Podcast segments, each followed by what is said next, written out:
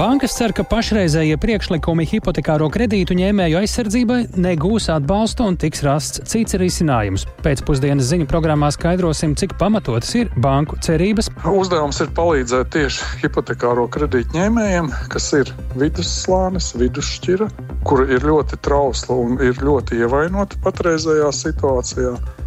Tiesās arvien biežāk nonāk pret žurnālistiem vērstas prasības, kur nolūks ir nevis noskaidrot patiesību, bet vājināt plašsaziņas līdzekļus.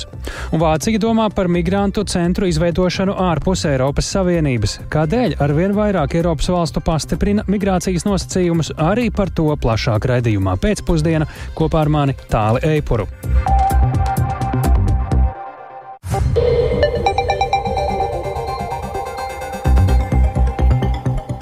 Pūkstens rāda 16,5 minūtes, skan pēcpusdienas ziņu programma, skaidrojot šodienas svarīgus notikumus.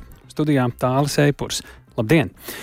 Bankas vēl cer rast sev un citiem pieņemamu risinājumu iepratim saimnes komisijas piedāvātajiem hipotekāro kredītu ņēmēju aizsardzības pasākumiem. Bankas brīdina, ka komisijas piedāvājumam draud ilgtermiņa sekas. Savukārt saimnes budžeta komisijas vadītājs paredzēto atbalstu mehānismu sauc par līdzsvarotu vidusšķiras interešu nosargāšanai. Vairāk klausāmies Jāņa Kīņša ierakstā. Saimnes budžeta komisijas virzītais priekšlikums paredz atbalstu tiem, kuriem hipotekārā kredīta maksājumi pārsniedz 20% no ienākumiem. Kredītiestādēm nākamajā gadā būtu viņiem jāsamaksā nodevu 30% apjomā no attiecīgajā ceturksnī aprēķinātajiem procentu maksājumiem par vienīgo hipotekārā kredīta līgumu. Šāds plāns uzskatāms par mākslīgu iejaukšanos kredīta izcenojumā, vērtē banku pārstāvji. Tas būtiski ierobežos vietējo kreditēšanas uzņēmumu konkurētspēju un neuzlabos pieejamību kreditēšanas kreditēšanas pakalpojumiem, jo atstās ietekmi uz kredītu izmaksām nākotnē. Turklāt šogad arī augstu eiriboru likmju laikā hipotekāro kredītu apjoms ir pat pieaudzis, uzsvērs Svetbanku valdes priekšsādātājs Lauris Mēncis. Iespējams, kādam klausoties tajā politiskajā diskusijā, liekas, ka ir iestājusies kaut kāda apakalipse. Dati rāda, ka tas tā nav. Mājokļu finansēšana aug gads pēc gadu. Ikdienā mēs redzam, ka klientiem, protams, ir nepieciešams vairāk laika, teiksim, lai izvērtētu gatavību iet šādās ilgtermiņa saistībās, bet tā interese nekur nav pazudusi un kreditēšana turpinās. Hipotekārie kredīti Latvijā izsniegt aptuveni 124 tūkstošiem aizņēmēju, apmēram 14% no kopējā iedzīvotāju skaita, apkopojas Finanšu nozars asociācija. Apmēram 72% kredītu ņēmēju aizdevumu maksājums mēnesī nav audzis vairāk par 100 eiro. Pēc banku datiem tikai pusprocents klientu nespēja tikt galā ar savām kredītsaistībām. Vienlaikus Eiriboru likmi kāpums būtiski audzēs arī banku peļņu. Tāpēc bankas kā piemērot risinājumu atzīst uzņēmumu ienākumu nodokļu nomaksu par gūto lielo peļņu norādīja Citadelas valdes loceklis Walters Ābele. Mēs ceram uz dialogu turpināšanos, argumentētu diskusiju. Mēs ceram atrast risinājumu, kura rezultātā bankas samaksā papildus uzņēmuma ienākumu nodokli, un kura rezultātā politiķi jau paši var pieņemt lēmumus, kam tā nauda tiks sadalīta. Līdztekus tam bankas jau piedāvā individuālu palīdzību, ko risina sarunās ar klientiem. Iespējams atlikt kredīta pamatsummas maksājumus, pārskatīt banku noteiktās likmes, kā arī atcelt komisijas maksu kredītu līguma izmaiņām, uzskaitīja SEB bankas vadītāja Ieva Tetere. Vienlaikus lielā peļņa augsto banku procentu likmu laikā šogad būtu vērtējama ilgākā laika termiņā, jo iepriekš gan arī 8 gadus Eiribor likme bija tuvu nulē vai pat negatīva, vērtē banku pārstāvji. Šie dati diskusijās saimā acīm redzot nesot ņemti vērā, un tas neliecina par labiem likumdošanas principiem, vērtē juridiskā biroja Kobalta vadošais partneris, zvērnāts advokāts Lauris Liepa. Pirmkārt, likumdevējs vēlas um, uzdāvināt to, ko varbūt arī daži nemaz negrib saņemt. Tātad piešķirt atlaides arī tiem, kuriem tās pirmkārt nav vajadzīgas. Otrakārt, diezgan skaidri parādījās, ka gatavojot šī lēmuma pieņemšanu, netiek ņemti vērā dati. Un treškārt, diezgan acīm redzami, ka no vienas puses uzticot privātajai jomai, uzticot bankām šo valsts funkciju, tātad noteikti palīdzības nodevas administrēšanu, vienlaikus likumdevējs neusticās bankām. Saimnes budžeta komisijas vadītājs Jānis Rērs no jaunās vienotības aizstāv sagatavotās likuma izmaiņas, jo tās radītas vidusslāņa interesēs. Turklāt piekdaļai kredītņēmēju hipotekāro kredītu izmaksas jau pārsniedz 40% no kopējiem izdevumiem. Uzdevums ir palīdzēt tieši hipotekāro kredītņēmējiem, kas ir vidusslānis, vidusšķira, kura ir ļoti trausla un ir ļoti ievainota patreizējā situācijā. Un tagad viņus nostādīt praktiski nu, tādā līmenī, ka ir jāatsakās no visnepieciešamākām lietām. Līdz ar to pēc nu, mūsu vērtējuma šis ir ļoti atbilstoši. Vienlaikus likumā būs paredzēts izmaiņas, ka banku nodeva atbalstam hipotekārajiem kredītiem nebūs piemērojama tām bankām, kas brīvprātīgi nodrošinās nozīmīgu atbalstu hipotekāro kredītu ņēmējiem. Patērētāja tiesību aizsardzības likuma grozījumus saima vērtēs šajā ceturtdienā, un tad tie vēl būs skatāmi arī galīgajā lasījumā. Jānis Kincis, Latvijas Radio. Jā, kā zināms, banku nozares pārstāvji pat dažbrīd solījuši tiesāties ar valsti par plāniem ierobežot banku peļņu no augstajām procentu likmēm, bet tagad par pavisam cita virziena tiesu darbiem. Kā pasargāt medijus no tiesāšanās, kuras nolūks ir nevis noskaidrot patiesību un nodrošināt taisnīgumu, bet gan vājināt plašsaziņas līdzekļus un aizbāzt žurnālistiem muti. Apmēram tā varētu formulēt tematu semināram un diskusijai, ko šodien rīkoja Latvijas mediju ētikas padome. Juristi, kuri aizstāvējuši žurnālistus tiesas procesos, saredz draudīgu tendenci. Šādu ļaunprātīgu prasību esot arvien vairāk, un žurnālisti pret tā dēvēto strateģisko tiesvedību esot nepietiekami aizsargāti. Tikko no diskusijas arī ir atgriezusies kolēģi Zanē Niņas, sveiki Zanē. Tu žurnālisti, kā esi jau daudzus gadus. Un, kā teikt, kāda ir tava pieredze vai taviem kolēģiem, darba devējiem, vai tev pašai ir bijis jāstājas tiesas priekšā, ja mēs runājam tieši par profesionālo darbību un tās dēļ? Jā, kāds jurists, kurš bija arī pašvaldības deputāts, mani iesūdzēja tiesā pirms vairākiem gadiem par godu un cieņas aizskaršanu. Šo mm. lietu izskatīja visās instancēs un gal galā prasību atzina par nepamatotu. Nu, es nevaru apgalvot, ka tā bija stratēģiskā tiesvedība, tomēr tajā ir saskatāms vairāk šādu procesu pazīmes, kuras tika uzskaitītas šodien Latvijas mediju ētikas padomas rīkotajā seminārā. Proti, prasība bija vērsta tieši pret mani kā žurnālisti, kaut gan atsevišķa prasība bija arī pret laikrakstu, kurā tolaik strādāju. Tika prasīta liela atlīdzība, un tiesvedība bija ļoti ilga, vairāku gadu garumā. Diskusijā žurnāla ir galvenā redaktore Nelija Ločmēla pauda pārliecību, ka visas piecas izdevuma vēsturē notikušās tiesvedības bijušas tieši šāda veida prasības, un arī portāla TVNet galvenais redaktors Toms Ostrovskis uzskaitīja gadījumus, kad viņa pārstāvētais plašsaziņas līdzeklis iesūdzēts tiesā tiesāšanās pēc. Paklausīsimies! Bija viens tiesas process, sākot no 2014. gada. Tas beidzās 2021. gada rudenī, respektīvi, septiņus pusgadus. Tas bija par publicistiku, jeb par vienu viedokļu rakstu. Krievijas iebrukums pirmais Ukrainā, kontekstā ar Krīmas okupāciju. Bija tāds festivāls savulaik, Jaunais Vilnis Jurmalā. Galvenais punkts, kādēļ mums bija jātiesājas septiņus pusgadus, bija, ka Latvijas Nacionālās operas tā laika direktors uzskatīja, ka mēs esam aizskāruši viņu godu un cieņu, uzrakstot publikāciju par to, ka ir vismaz neētiski ļaut jaunā viņa organizētājiem atzīmēt dzimšanas dienu Latvijas Nacionālajā operā. Tas bija Toms Strauskis, TVNet galvenais redaktors, bet diskusijā vairāk kārt tika pieminēts arī nesenais gadījums ar ārstu, kur iesūdzēja tiesā elektronisko cigarešu ražotājs, jo ārsts publiski bija paudis, ka šīs cigaretes ir kaitīgas, nosaucot konkrētu zīmolu. Eh, te gan nav runa par mēdījiem, bet strateģiskās tiesvedības var tikt vērstas arī pret dažādām nevalstiskajām organizācijām vai vienkārši sabiedriski aktīviem cilvēkiem, pamatā ar nolūku tos apklusināt vai izrausīt, izraisīt šaubas par to, ko viņi teikuši. Bet, ja turpinām par medijiem, tam līdzīgi tiesas procesa nolūks ir tos vājināt, jo kamēr notiek tiesāšanās, žurnālisti īsti nevar darīt savu pamatdarbu.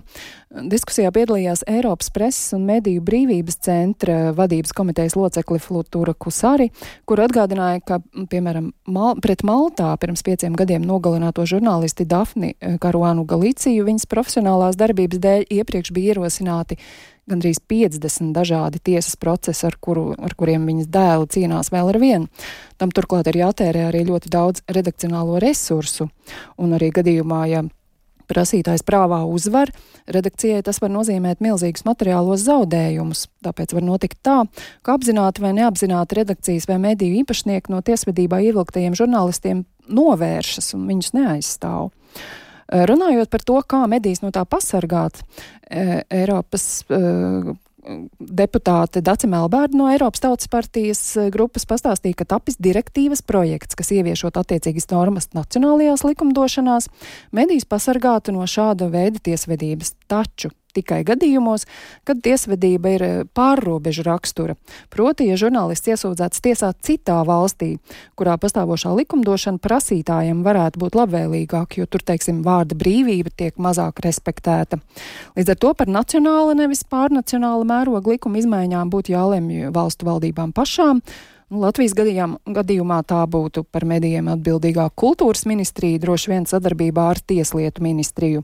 Bet to, ka Latvijā attiecīgs likuma regulējums mediju aizsardzībai būtu nepieciešams, apstiprināja tiesību zinātņu doktori zvērināta advokāte Viktorija Jārkina, kura bijusi mediju advokāte dažādās lietās kopš 2008. gada. Un viņi ir novērojuši dažādas tendences, kas šo nepieciešamību apstiprina. Paklausāmies! Ir, teiksim, varbūt vairākas personas, par kurām tā kā, nu, prese gan Latvijā, gan arī ārvalstīs sniedz nu, kaut kādas publikācijas, intervijas. Tad faktiski tendence ir tāda, ka mēģina panākt, lai pirms publikācijas publicēšanas attiecīgi preses izdevums, izdevniecība vai žurnālists saskaņo publikācijas tekstu. Ja, un vēl viena advokāts Viktorijas Jarkins novērota tendence. Žurnālistus biežāk iesūdz nevis par nepatiesiem faktiem, bet par viedokļu paušanu, kas jau ir absurdi, jo tā ir vēršanās pret vārda brīvību. Taču par papildus tiesisko regulējumu mediju aizsardzībai juristu vidū nav vienprātības, piemēram, advokāts Andris Tauriņš no Sorēnēn pauda, ka neko papildus nevajagot likumdošanā ietvert, jo, redz, monētai ir arī otra puse. Ir mediji, kuri īpašnieki paši savus izdevumus vai portālus izmanto savās interesēs kādu savu strateģisku viedokļu paušanai. Tālu. Nu jā, tad sanāk, ka šo visu dēļ tie mediji, kur cenšas strādāt godīgi un aizstāvēt demokrātijas vērtības, beigās paliek tādā krietni vien mazākā, vājākā pozīcijā. Paldies, Zane, tev par šo. Mēs uh, saprotam, ka cīņa par demokrātiju, diemžēl, rit ne tikai tiesas zālēs vai diskusijās, bet eh, šobrīd arī kara laukā dodamies uz Ukrainu. Ukrainas parlamentā finišam tuvojas nākamā gada valsts budžeta apstiprināšana, un šis ir Ukrainas otrais kara laika budžets, kurā pilnīgi visus Ukrainas iekšzemes ienākumus no nodokļiem, nodevām un privatizācijas ir plānots atvēlēt armijai un valsts aizsardzības finansēšanai. Vairāk par budžeta projektu mēs esam sazinājušies ar mūsu kolēģi Latvijas radio korespondentu Ukrainā Indru Sprānci. Sveiki, Indra! Pēc tikko dzirdētā pats par sevi rodas automātiski jautājums, kā tad Ukraina nākamo gadu plāno savilkt galus, ja visus ienākumus tā veltīs armijai un aizsardzībai? Labdien! Jā, patiešām galu savilkšana Ukrainē nākamgad būs milzīgs izaicinājums, iespējams pat vēl lielāks nekā tas ir bijis šogad. Ukrainas ministru kabinets pagājušā piekdienā nodeva parlamentam nākamā gada valsts budžetu skatīšanai otrajā lasīmā, un tāpat kā vispārējā iebrukuma pirmajā gadā, kā arī šogad, arī nākošgad Ukraina plāno savu budžetu ar rekordlielu deficītu. Kopējie budžeta ienākumi plānoti 1768 miljardu hrivnu, jeb aptuveni 45 miljārdu eiro apmērā, bet izdevumi attiecīgi 87 miljārdu eiro apmērā. Un Un pilnīgi visus pašu ienākumus Ukraina plāno izmantot armijas finansēšanai un aizsardzības vajadzībām. Paklausāmies Ukrainas augstākās radas budžeta komitejas vadītājas Roksalanas Pīdlasas sacīto pagājušā nedēļā Ukrainas atjaunošanai veltītā konferencē šeit Kijivā. Viss, ko Ukraina iegūst nodokļos, muitā, nodevās un privatizācijā, tiek izmantots aizsardzības vajadzībām. Neviens no mūsu partneriem, ieskaitot Eiropas Savienību, nav piekritis finansēt armiju tiešā veidā. Ikgadējā aizsardzības izdevumi šogad pieaugs līdz gandrīz 52 miljardiem ASV dolāru, kas nozīmē, ka mēs pastāvīgi meklējam veidus, kā palielināt iekšzemes ienākumus. Mēs esam iecerējuši novirzīt daļu ienākumu nodokļu no pašvaldību budžeta uz valsts budžetu. Mēs plānojam divkāršu privātā ienākuma nodokļu paaugstināšanu bankām, un, diemžēl, mums ir uz laiku jāaptur valsts autoceļu fonds. Jā, tad armijas un valsts aizsardzības finansēšanai nepieciešamais knapi tiks nosegts ar visiem plānotajiem ienākumiem no nodokļiem un citos veidos. Savukārt pārējās valsts vajadzības, kas ir daudz un dažādas, lielākā no tām ir sociālā joma, bet vēl ir daudz, un, piemēram, veselībā, izglītībā, valsts pārvaldē un daudz kur citur.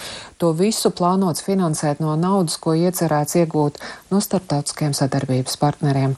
Un kopumā papildus nepieciešamā summa ir ap 40. 42 miljardiem ASV dolāru.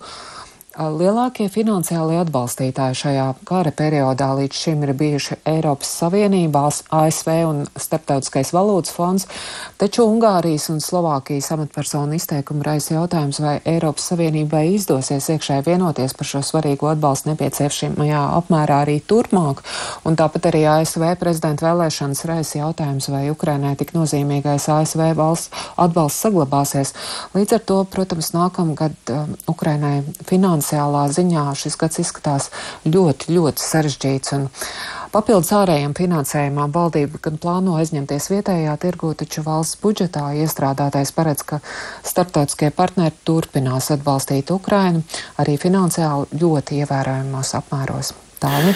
Jā, Indra, Te, nu, protams, arī uh, tikpat automātiski kā iepriekšējais jautājums ir, vai ir kaut kāds plāns B Ukrainai, ja tomēr tas partneru atbalsts, ko tā uh, ir iecerējusi, ko sagaida, uh, nebūs tajā nepieciešamajā apjomā, kas faktiski jau tā teikt, ir iegrāmatots gandrīz vai, vai tiek iegrāmatots nākamībai.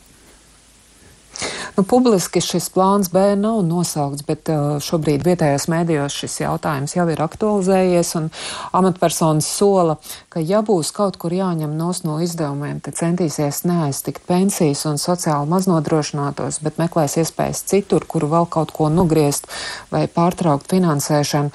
Taču pirmā un galvenā prioritāte ir finansēt armiju un aizsardzības nozari.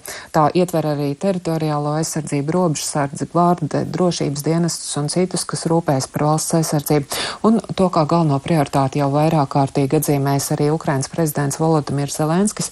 Paklausīsimies fragmentu no viņa vakar vakarā sacītā.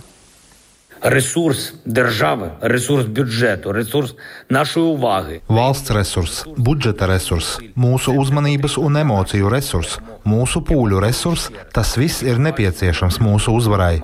Es teikšu vēlreiz. Mēs visi redzam, ka cilvēki pieprasa, lai budžeta līdzekļi tiktu virzīti nevis ielu bruģēšanai un remontam, bet gan aizsardzības atbalstam. Tā tam arī ir jābūt. Visi resursi ir jāvelta tam, lai Ukraina kļūtu stiprāka.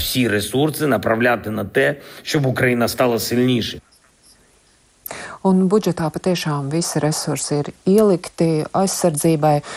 Šo budžeta plānu nākamajam gadam Ukraina sagatavojas prognozējot, ka nākamgad Ukrainas ekonomika attīstīsies labāk nekā šogad.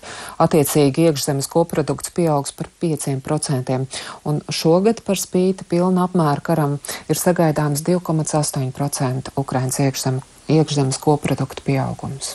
Tālāk. Paldies Indrai Sprāncē tiešraidē no Ukrainas stāstot par Ukrainas nākamā gada budžetu. Bet kā sekas starptautiskajai drošības situācijai un arī kā drošības drauds pats par sevi ir arvien aktīvāka starptautiskā migrācija. Vācijas valdība ir vienojusies ar reģionu vadību par jauniem pasākumiem migrācijas mazināšanai.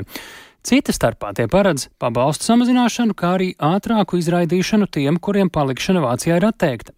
Tāpat Vācijas kanclers Olafs Šolts ir piekritis izvērtēt, vai viņa valsts varētu sakot Itālijas un citu valstu piemēram un ierīkot migrantu centrus ārpus Eiropas Savienības.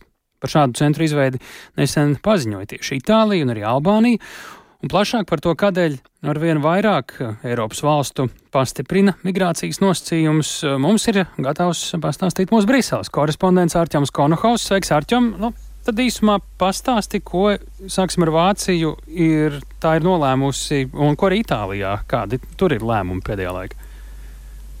Labdien, tālu, labdien, klausītāji! Tik tiešām par migrāciju šķiet runā šobrīd ļoti daudzās vietās, gan Vācijā, gan Itālijā, gan arī Francijā un Austrijā, Lielbritānijā, kas vairs nav Eiropas Savienības dalībvalsts, bet arī pie viņiem šīs diskusijas ir ļoti aktuāls. Tas tikai liecina, ka tiešām migrācijas spiediens palielinās un tas rada galvas sāpes ļoti daudzām valdībām Rietumē Eiropā, it sevišķi, bet arī Ziemeļa Eiropā un citviet. Ja runājam par konkrētiem lēmumiem, tad Vācijas valdība bija bija pārunās ar Vācijas federālo zemju vadību un pārstāvjiem gandrīz visu nakti līdz pat agram rītam ir notikušas diskusijas, ko tad darīt. Un tas lēmums, kas ir panākts, ir, ka turpmāk samazināts tiks tas naudas apjoms, ka, ko patvērumu meklētāji saņems savu skaidrā naudā vai uz bankas konta, un daļa no šīs naudas tiks novirzīta vietējo kopienu atbalstam, jo tās pašvaldības, kurām ir jāuzņem daudz cilvēku, tām bieži vien trūkst līdzekļu, un viņiem ir sarežģīti tikt galā ar migrācijas radīto spiedienu. Tad, tad no vienas puses tiks samazināta pievilcība braukt uz Vāciju, ja mēs tā varam teikt, un no otras puses daļa atbalsta tiks novirzīta pašvaldībām. Un arī uh, Protams, Vācijā, tāpat kā Itālijā, tiek spriests par to, ka a, tomēr būtu jāpātrina arī to cilvēku izraidīšana, kas nav saņēmuši a, apstiprinājumu, kas nav ļauts, kuriem nav ļauts palikt.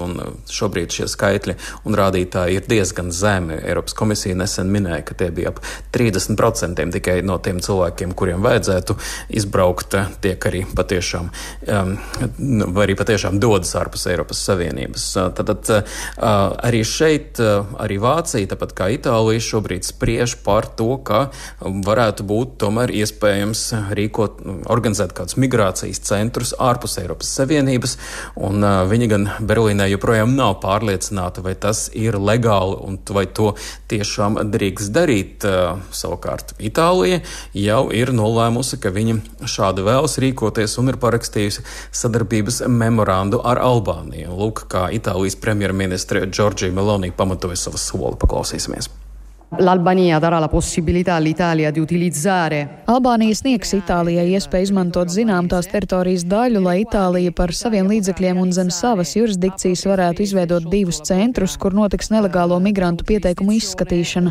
Šajos centros sākotnēji varēs atrasties līdz pat 3000 cilvēku, kuri tur paliks tik ilgi, cik tas būs nepieciešams, lai varētu ātri izskatīt viņu patvērumu lūgumus un vajadzības gadījumā organizēt viņu atgriešanu. Jā, bet uh, eh, 3000 varētu būt aptuvenais skaitlis, kas ir mēnesī. Viņi cer, ka 26 aptuveni dienās varētu izskatīt katru patvērumu lūgumu, kas ir krietni ātrāk nekā pašlaik. Redzēsim, vai viņiem tas tiešām tā izdosies, un tad līdz ar to gadā tie varētu būt jau nu, 36 tūkstoši apmēram cilvēku, kas varētu iziet cauri šiem centriem Albānijā. Tāds ir Itālijas valdības uh, vismaz solījums šobrīd. Jā, Arķom, te interesanti saprast arī un svarīgi, kāpēc Albānija ir piekritusi šādam Itālijas priekšlikumam. Šobrīd ir redzam, ka, nu, piemēram, tās pašas Ziemeļāfrikas valstis nu, nebūtu nesteidz ierīkot kādus patvērumu centrus savās teritorijās. Te ir jāatcerās, ka Albānija ir Eiropas Savienības kandidāta valsts, un viņiem līdz ar to ir nepieciešama Itālijas palīdzība, Itālijas atbalsts ceļā uz iestāšanos Eiropas Savienībā. Un, manuprāt, tas varētu būt viens no galvenajiem iemesliem, kādēļ Albānijas valdība ir piekritusi šim solim. Viņa vēlas, un šobrīd arī tāda ekonomiskā, protams, sadarbība ir ļoti cieša. Itālija ir lielākais Albānijas tirzniecības partneris, tā kā arī ekonomiskā spiediena potenciālās tādas sviras te pastāv, bet uh, publiski uh, jau uh, Albānijas premjerministrs Edija Rama piesauca arī jautājums par tādu morālo atbildību, jo savulaik 90. gados ļoti daudzi Albānijas pilsoņi pāri jūrai devās uz Itāliju, un Itālija, ja ne visus, tad vismaz kādu daļu no viņiem ir uzņēmusi. Paklausīsimies! Io non credo che non sa noi saremo in grado. Es nedomāju, ka mēs dzīvosim pietiekami ilgi, lai atmaksātu Itāļiem un Itālijas iestādēm par visu to, ko viņi ir darījuši mūsu labā kopš pirmajām dienām, kad esam atbraukuši pie viņu krastiem, lai meklētu patvērumu, lai aizbēgtu no elles un atrastu labāku dzīvi. Šo parādu nav iespējams atmaksāt. Kā esmu jau iepriekš sacījis, ja Itālija sauc, tad Albānija nāks palīgā. Se l'Italia chiama, l'Albania c'è. Gan tādi praktiskie apsvērumi, politiskie, taktiskie apsvērumi, gan arī morālie argumenti tiek minēti no Albānijas puses. Turpretī Ziemeļāfrikas valstis saka, ka viņi nevēlas, lai uz viņiem tiktu nogrūstas Eiropas problēmas. Šie cilvēki vēlas doties uz Eiropu, un Eiropai tad ar viņiem arī būtu jātiek galā, nevis viņiem. Jā, Arčam, kāda šobrīd ir tā aktuālā Eiropas komisijas pozīcija vai vēstījums par pašreizējo situāciju migrācijas jomā, kur mēs esam ar to? Var noprast, ka Itālija nebija brīdinājusi Eiropas komisiju par savu vienošanos ar Albāniju. Viņi vēlas saņemt vairāk informācijas par šo, bet no nevalstiskajām organizācijām izsauc ļoti, izskan ļoti, ļoti asa kritika par šo vienošanos. Tā tiek saukta par nelikumīgu, starptautiskiem notikumiem neatbilstošu un ka tā arī neko nepalīdzēs atrisināt. Bet um, Eiropas Savienībā paralēli tam visam notiek arī diskusijas tomēr, lai atrastu vienotu atbildu, un šīs diskusijas šķiet jau arī tuvojas tuvojas kādam kopsaucējam par to, kā tad varētu notikt jau migrācijas eh, politikas pārskats, eh, kā visas valstis kopumā varētu risināt un uh, tikt galā ar situācijām, kad tiešām migrantu pieplūdums ir liels. Nu, to cer atrisināt līdz Eiropas parlamenta vēlēšanām, kas paredzētas, kā zināms, nākamā gada jūnijā. Paldies Ārķam Konohovam, mūsu Briseles korespondentam, stāstot par aktuālāko migrācijas notikumos un politikā Eiropā, bet migrē ne tikai cilvēki. Bažīga situācija arī attiecībā uz dzīvnieku vadāšanu pāri Latvijas robežai.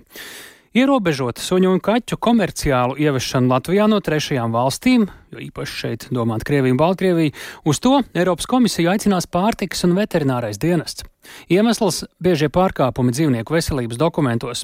Tā skaitā ir arī viltojumi, un tas rada bāžas par dzīvnieku patieso veselības stāvokli. Pārtiks un veterinārā dienesta robežu kontrolas departamenta direktors vietniece Ivieta Zemniece ir pie redzījuma pēcpusdienu klausulis. Labdien! Labdien! Nu kā jūs teiktu, pēdējo to pašu pāris kaut vai gadu laikā ir mainījusies tā komerciālā suņu un kaķu plūsma pāri Latvijas robežai, virzienā uz Latviju, kā bija agrāk un kā varbūt ir tagad, un kāpēc šobrīd jūs to izceļat kā īpašāku problēmu? Jā, šī situācija ir mainījusies ļoti būtiski. Jāsaka, gan ka viens no iemesliem, kāpēc tik ļoti ir pieaudzis šīs tieši komerciālo uh, suņu un kaķu pārvadājumu skaits ir pagājusi Covid teiksim, tā, situācija, jo salīdzinot datus no 2001. gada līdz pat 23. gadam, līdz šim gadam, burtiski ir uzlē, uzlēcis, palielinājies būtiski uh, uh, Eiropas Savienībā ievesto suņu un kaķu apjoms tīri ieskatām šī gada desmit mēnešos caur Latvijas robežu kontrolas punktiem Eiropas Savienībā ir ievesti 10,700 Uh, šie lolojumi dzīvnieki. Jāsaka, gan ka saņēmē valstu vidū kā līdere ir Vācija, Skatoties pēc datiem, arī uz Latviju eh, vairāk kā 300 mm -hmm. suņu kaķi ir ievesti saņēmējiem. Labi, kur problēma? Runā paši par sevi. Kur problēma? Tās problēmas, jā, tās problēmas ir sekojošas, eh, kad ņemot vērā to, ka mūsu robežu kontrolas gaitā mēs aizvien biežāk konstatējam gan dokumentu neatbilstības, gan to, ka dokumentos tiek norādīti vieni dzīvnieki reāli pēc mikročipu nolasīšanas. Uh, izrādās, ka tiek importēti citi dzīvnieki. Izvērtējot informāciju iesniegtajos dokumentos, mēs redzam, ka saņēmējs ir norādīts vienā valstī, pēc certifikāta, pēc pavadu dokumentiem un rēķiniem saņēmēji ir bieži vien citas dalību valstis. Tas norāda uz to, ka šī izsekojamība dzīvniekiem ir neiespējama. Uh, Uh, Eiropā ir pārtikas krāpniecības sistēma, kurā šajā gadā Latvija jau 15 ziņojumus par konstatētajām krāpniecībām ir ievietojusi. Uh, un īpaša bažas ir par to, ka Jā. tieši suņu kaķi uh, trakumsērgas risku var uh, uzstādīt ļoti lielu, īpaši tāpēc, ka nav zināma šo dzīvnieku uh, patiesā veselība, un to arī parāda mūsu patreiz noņemtie laboratoriskie paraugi asins izmeklējumiem uz uh, antivielām pret trakumsērgu. Uz šobrīd no 14 noņemtajiem paraugiem 6 parāda to, ka dzīvniekiem nav pietiekams antivielu daudzums asinīs. Respektīvi, to, nav, nav vakcīnu saņēmuši. Jā. Vai nu viņi nav saņēmuši vakcīnu, vai zemais līmenis var norādīt arī uz to, ka šie dzīvnieki nav nogaidījuši nepieciešamo 21 dienu līdz tam, kad viņi drīkstētu iebraukt Eiropas Savienībā. Kurā gadījumā viņi ir nevaram... bīstami savā ziņā. Ko tieši jūs vēlties, Jā. lai Eiropas komisija maina? Mēs vēlamies galvenokārt to, lai pārskata Eiropas Savienība šajā mūsu situācijā tieši Krievijas, Baltkrievijas, Baltkrievijas uh, statusu attiecībā uz uh, trakumsērgas uzraudzības sniegtajām garantijām, jo uz šo brīdi gan Krievija, gan Baltkrievija ir iekļautas to trešo valstu sarakstos, uh, kurās tiek uzskatīts, ka tiek kontrolēta un ir labvēlīga situācija pret trakumsērgu, lai gan reālā dzīve parāda citu ainu. Tas ir tas stāsts, ar kuru ģenerāla direktors iepazīstinās citu Eiropas dalību valstu veterināros vadītājus. Un pavisam īsi vēl nobeigumā, cik tās briesmas, ja ir šāda nekārtība, ir reālas, ka tiešām tiek ievazāta trakumsērga, jo Latvija pirms tikai dažiem gadiem faktiski tika atzīta par trakumsērgas brīvu valsti. Uh, Situācija ir ļoti nopietna, tāpēc, ka trakumsarga ir slimība, no kuras uh, iznākums, diemžēl, ir tikai viens letāls. Uh, un tā kā trakumsarga ir slimība, kas apdraud ne tikai dzīvnieku, bet arī cilvēku veselību, līdz ar to mēs nevaram riskēt ar šādu uh, apdraudējumu mūsu sabiedrības veselībai un arī dzīvībai. Liels paldies par sarunu, ka informējat par to arī sabiedrību. Ivet Zemniece, pārtiks un veterinārā dienesta robežu kontrolas departamenta direktors vietniece par Latvijas interesi, ka Eiropas komisija varētu ierobežot Krievijas un Baltkrievijas komerciālo kaķu un suņu ieviešanu pāri Latvijas robežai. Bet jau drīz Rīgas ielās dosies pirmie Rīgas satiksmes elektroautobusi. Pirms tam gan vēl polijā ražotos spēkratus ir jāizmēģina, gan braucot, gan lādējot, jāveic vēl citi priekšdarbi, bet eh, kopā mēs zinām, ka paredzēts iegādāties 52 šādus elektroautobusus, eh, kopējā summa tad būtu 34 miljoni eiro. Rīgas satiksmes valdes loceklis Andris Lubāns šobrīd pie redījuma pēcpusdienu klausulas. Labdien! Labdien! Nu, cik noprotams, tieši šodien Rīgā tad arī nonāk reāli pirmie šie elektroautobusi. Tie ir tikai daži pagaidām. Ja? Jā, Rīgā ir ieradušies šobrīd pirmie pieci no 35 elektroautobusu grupas. Un plānots, ka visus 35 mēs saņemsim arī līdz šī gada beigām. Jā, cik liela daļa no kopējā autobusu parka tad būs, tad, kad visi šie 50 elektroautobusi būs nogādāti Rīgā? Uh, ikdienā mums uz līnijas izbrauc aptuveni 260 autobusu, kopā parkā ir nedaudz vairāk kā 400 autobusi. Nu, līdz ar to tie 52 sastādīs kāds 12-15% no mūsu kopējā parka. Tas tā, lai noprastu, cik liels īpatsvars šādu autobusu būs Rīgas ielās un kuros maršrutos rīznieki tos varēs visticamāk redzēt, ir jau redzēts plāns? Uh, Mēs autobusu līnijās ieviesīsim pakāpeniski. Sāksim ar nedaudz īsākiem maršrutiem, kas ir uh, Saulīši, Katlakauns, un, un, un tad pakāpeniski skatoties, kā viņi kalpo un, un, un cik liels ir nobraukums, tad arī mēs izmēģināsim noteikti arī garākos maršrutos. Kas būs tā specifika tieši elektroautobusiem? Nebūs būtiski jāpārplāno tie maršruti vai kā notiek maiņas, jo degviela tomēr ir daudz ātrāk iepildīt nekā uzlādēt autobusu, ne? Maršruti mums ir dažādi. Nobraukums dienas laikā autobusiem ir arī ļoti dažāds. Sākotnēji mēs aizvietosim tos tiešām autobusus, ar kuriem tiek veikti īsākie maršruti. Varbūt vairāk koncentrēsimies uz rīta pusi, kad ir, kad ir lielāks izlaidums. Varbūt pa dienu autobusu atgriezties atpakaļ parkā un arī veikt īslaicīgu uzlādi, ja tas ir nepieciešams. Un vēlāk tiešām skatīsimies. Iespējams, ka autobusu kustēsies arī tālākos maršrutos. Un ņemot vērā, ka mums ir ieplānota arī investīcija projekta attiecībā uz ātrās uzlādes iekārtām, tad domāju, ka pāris gadus laikā šie autobusi spēs braukt arī tālākos maršrutos, kur galapunktos būs jau uzstādīts ātrās uzlādes iekārtas, ļaujot veikt papildu enerģijas iegūšanu un tādā veidā pagarinot uh, dienas nobraukumu. Šobrīd cik ilgi viens tāds autobuss no nulles līdz pilnam būtu jālādē? Autobus, autobus uzlāde tiks veikta šeit pie mums parkā, kur ir uzstādīts lēnās uzlādes iekārtas naktas laikā, un uzlāde būs aptuveni 4 līdz 5 stundas atkarībā no tā, cik ir atlikusi enerģija akumulatoros. Lai pēc tam nobrauktu cik? Šobrīd šī brīža laika apstākļos ar jauniem svaigiem akumulatoriem nobraukums tiek plānots, ka maksimālais nobraukums, ko varētu nobraukt, ir aptuveni 250 līdz 300 km ar vienu uzlādi. Ikdienas eksploatācija šādiem autobusiem sanāktu lētāka vai dārgāka nekā degvielas autobusiem šobrīd Rīgas apstākļos, ņemot vērā arī mūsu ziemas un tam līdzīgi?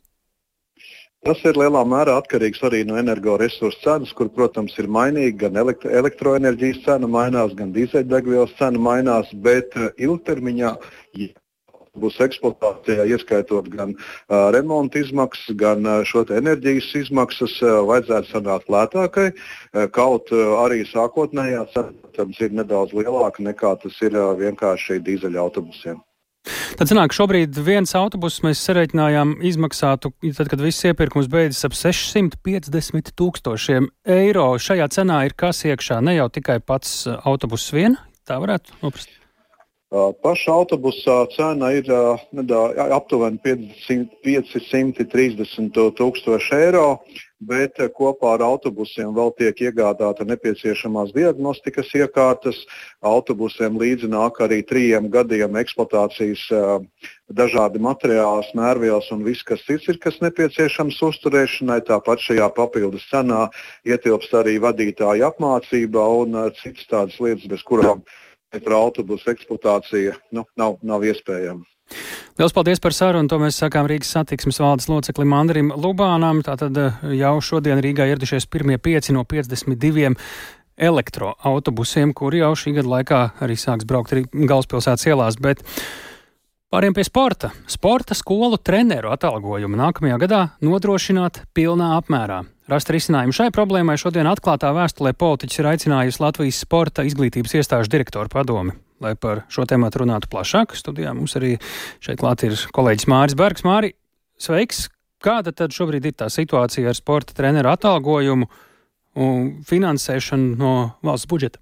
Sveiks, tālāk, sveicināti klausītāji. Jā, kā jau teicu, tātad sporta izglītības iestāžu direktoru padome norāda, ka no valsts budžeta piešķirti nepietiekami līdzekļi treneru darba samaksas nodrošināšanai.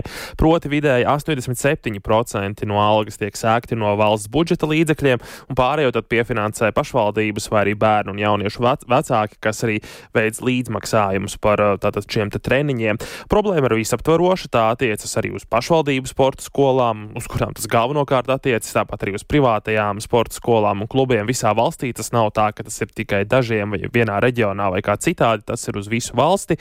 Un šī situācija, kad ir nepietiekams finansējums, lai sāktu pilnībā treneru atalgojumu, tas tā nav pirmo gadu, tas jau velkas aptuveni 4-5 gadus, kā norāda speciālisti. Jā, mēs zinām, sporta nozara Latvijā pārauga izglītības zinātnes ministrijā. Tā atklātā vēstule, tā ir šīs dienas produkts, bet. Tas ir šodien publicēts. Jā, jā. vai ir zināms, ko vai līdz šim vai šajā laikā uh, ministrija vai tā lūko pēc kāda risinājuma? Nē, nu šeit ir jārunā par sporta nozares finansējumu nākamajam gadam no valsts budžeta, proti tas būs 51 miljonus eiro. Šogad uh, finansējums bija 45,6 miljonu eiro. Faktiski viss palielinājums nākamajā gadā saistāms tieši ar finansējumu finansējuma palielinājumu sporta treneru atalgojumam. Tas pieaug no 22,4 miljoniem šajā gadā līdz 28,5 miljoniem eiro nākamgad, bet šeit svarīgi atkal ir paskaidrot, ka no nākamā gada 1. janvāra tiek celta arī sporta treneru minimālā algas likme, un tad šie papildus 6 miljoni tie ir paredzēti tieši tam, lai finansētu šo likmes palielinājumu, respektīvi šīs iztrūkums joprojām saglabājas. Un uh, Izglītības un zinātnes ministrijas sporta departamenta direktors Vladimirs Steinbergs skaidro, ka sporta skolām finansējums tiek piešķirts nevis uz mācību, bet gan uz kalendāro gadu, un līdz 15. novembrim jāiesniedz dokumenti, kas tad saistīti ar nākamā gada finansējumu. Klausāmies Vladimiru Steinbergu. Šis jautājums ministrijā un valdības līmenī ir aktuāls un ir iekļauts darba kārtībā. Diemžēl bija cits prioritāts šogad, tas ir palielināt esošo likmi un finansējums veselībai. Tāpēc mēs dabūjām papildus finansējumu tikai algas likmes palielināšanu, nevis audzēkņu skaita palielināšanu. Proti, nofinansēt esošas bērnus, jau esošas sporta skolas un palielināt pedagoģu likmi. Nākamā gada finansējums tiks piešķirts pēc tam, kad tiks saņemti visi finansējuma pieprasījumi no sporta skolām. Tas termiņš ir 15. novembris, un tikai pēc 15. novembrī mēs sapratīsim, tad, cik tad īsti mums ir jāfinansē un vai pietiek mums naudas vai nepietiek naudas.